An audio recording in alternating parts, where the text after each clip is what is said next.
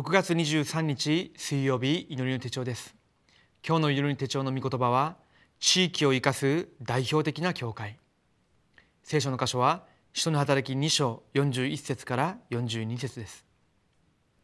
そこで彼の言葉を受け入れた者はバプテスマを受けた。その日3,000人ほどが弟子に加えられた。そして彼らは人たちの教えを固く守り交わりをしパンを裂き祈りをしていた。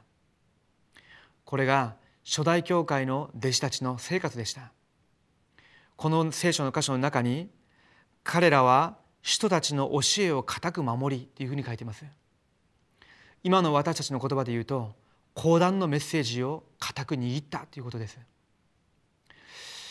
皆さんはどのように自分の教会の講談のメッセージを握ってますか？私は以前に講談のメッセージっていうものをそれほど重要視していませんでした。自分が一人でいる時に聖書を読んで学んでと祈った方が恵みを受けるんじゃないかそういうふうに思ってました。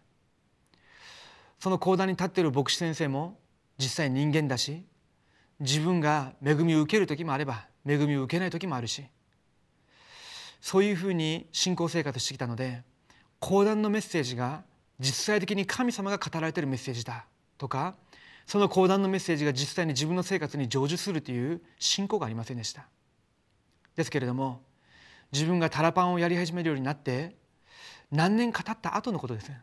ああ講談のメッセージを自分自身が生活の現場の中でどういうふうに握るかによって1週間私自身が勝利できるかできないかがかかってるんだなと。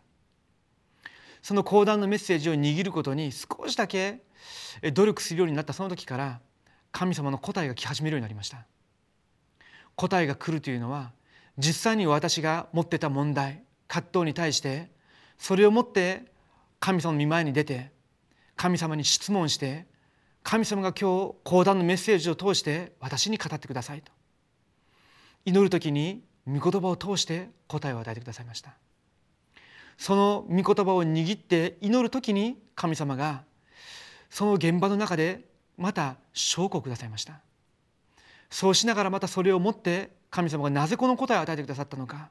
その御心を悟らせてくださるように講談の前に出ていく時に神様がまた講談のメッセージを通して私に御言葉を語ってそういうふうにしながらああ神様が私の生活のすべてと私の未来をご存知の上で牧師を通して死のしもべを通して御言葉を語ってくださってるんだな。そのことに気づくようになった時から礼拝の重要性が分かるようになりました。今は日曜日私自身が礼拝を下げる時に他の何にも神経を使わないように集中します。その日の夜にその講談のメッセージを整理しながら自分自身が御言葉を通して受けた答えそれを整理します。そしてまた月曜日講談の一部のメッセージを運動しながら聞きます。帝国の祈りの時ごとにまたメモを取ったその内容を見ながら黙想するようにします。火曜日には2部のメッセージ。そういった形で継続して講談のメッセージが自分の心自分の考え自分の生活の中に近くなるようにします。それが私の信仰生活の一番重要な鍵だと思っています。今日地域を生かす代表的な教会という御言葉ですけれども私自身が本当に講談のメッセージに対して慕い求める心信仰があるんであれば神様が地域を生かす御言葉を主のしもべを通して語れるようになります。今日私自身と教会を置いて共にお祈りしたいと思います。では今日の序文です。心に御言葉の釘が正しく打ちつけられた時その御言葉が自分のものになります。御言葉が心の中に正しく打ちつけられなければどんな答えも受けることはできません。地域を生かす代表的な教会を建てなければなりません。この時から神様の働きが始まります。初代教会が数多くの苦しみの中でも揺れることなく地域と時代を生かすことができた理由は何でしょうか。一つ目です。天国の鍵。イエス様がペトロにくださった御言葉通りに私たちは天国の鍵を所有したものです。まさに祈りの答えの鍵です。神様の子供は何でもイエス・キリストの皆で祈るならば答えられる身分です。この事実を信じて祈りながら待てばよいのです。私たちは伝道現場でこの鍵を確実に使わなければなりません。すべての悪霊の勢力不信仰と貧しさまでもイエスの皆の権威を使って退けなければなりません。神様の子供である祝福と権威を祈りを通して味わわなければなりません。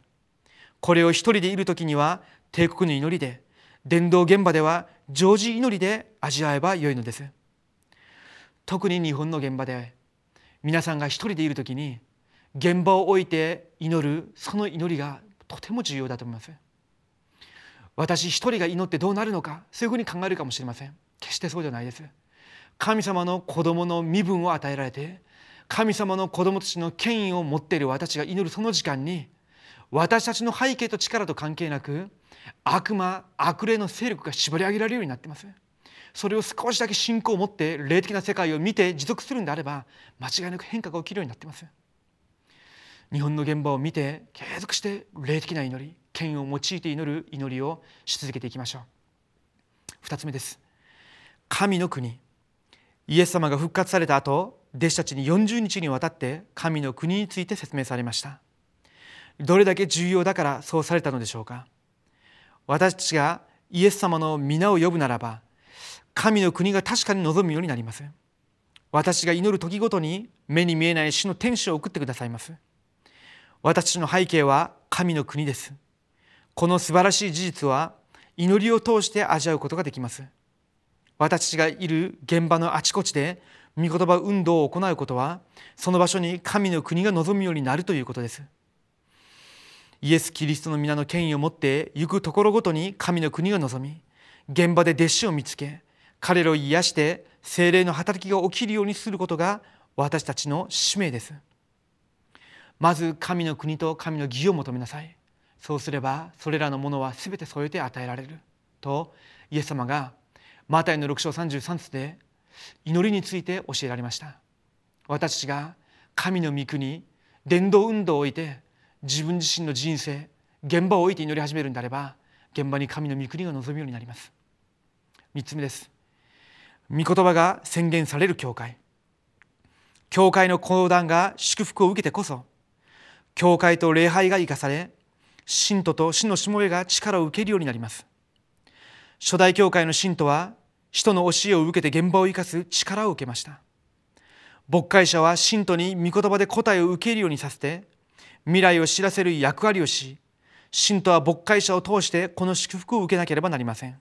これがまさに教会の役割です。それでこそ教会が地域を生かすようになります。住職者と一般信徒は牧会者の弱い部分を助け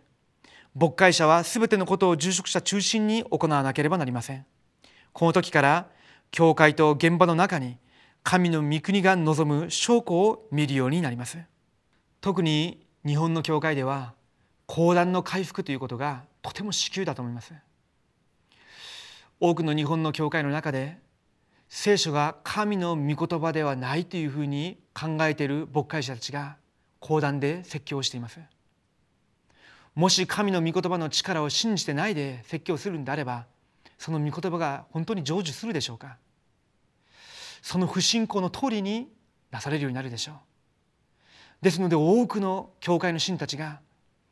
エゼキエル書37章にあるように干からびた骨のようになって死んでいる状態です。その信徒たちその現場を生かす道が何でしょうか？講談を回復することです。本当に神様の御言葉を持って日本の現場個人に正しい回答を与えることができる主のしもべが立たされて神様がしもべを通してメッセージを与えられること神様の御言葉を私に与えられると確信してそれを求めるそういった弟子たちが起こされてこそ講談が回復されます。今日自分自身と講談との関係を置いてお祈りしてみてはどうでしょうか。神様が今週手術の礼拝の時間皆さんと私を祝福されるはずです。今日のフォーラムの主題です。私が仕えている教会と本当に伝道する教会が福音で地域を生かす代表的な教会となるように祈りましょう。お祈りします。生きておられる神様に感謝を下げます。今日本の現場で地域を生かす代表的な教会が必要です。多くの教会もありますけれども教会が地域を生かすよりは地域で働いている霊的な勢力に抑えられて多くの牧会者たちも精神的に苦しみ信徒たちも霊的に抑えられ回答がないまま偶像の文化の中で倒されています。神様日本にあるすべてのタラパン教会の牧会者たちに精霊10万を与えてくださり講談を通して日本の現場に向けた個人に向けた正しい回答が与えられるようにしてくださりすべてのタラパン教会の生徒たちが講談の御言葉に対する信仰を回復し神様の御言葉を慕い求めて主の講談の前に出ていくその時間干からびた骨のようになっていた霊的な状態が全部生かされていく主の宮座がなされるようにしてください。主が日本のタラパン教会のすべての講談を祝福してください。生きておられるイエス・キリストの皆によってお祈りします。アーメン。